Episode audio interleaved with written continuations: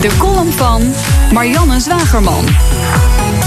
Moed zou een verplicht vak moeten worden in de journalistenopleiding. Die oproep deed een van de initiatiefnemers van de Belgische Nacht van de Persvrijheid. Een suggestie die ik van harte ondersteun voor de Nederlandse opleidingen. Sterker nog, ik pleit al langer voor de invoering van het vak weerbaarheid op alle scholen.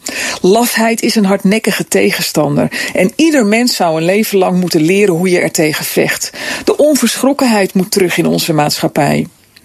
Journalisten die hun nek uitsteken krijgen veel shit over zich heen, zegt de Belg. Ze werken meestal freelance en genieten niet meer de bescherming van een grote krant of een goede verzekering als ze in juridische of andere problemen komen. En dat kan leiden tot meer voorzichtigheid dan goed is voor de persvrijheid.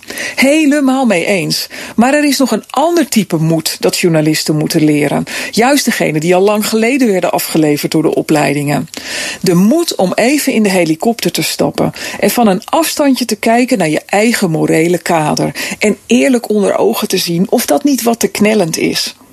Ik hoorde op de radio laatst een mooi gesprek over het trainen van docenten. Die moeten leren omgaan met gevoelige thema's in de klas, zoals de holocaust, islamfobie, vluchtelingen en politiek.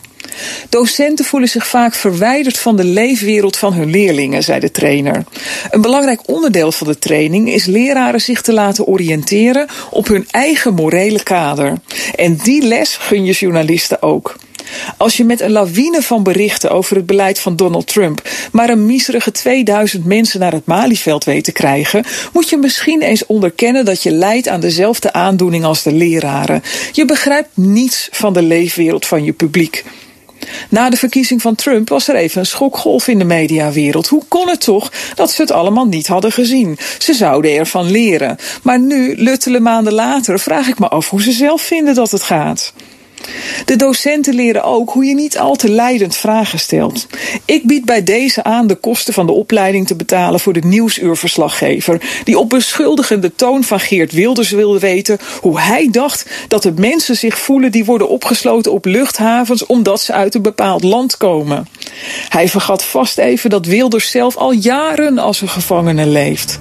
Zijn morele kader knelde zo dat zijn microfoon ervan trilde.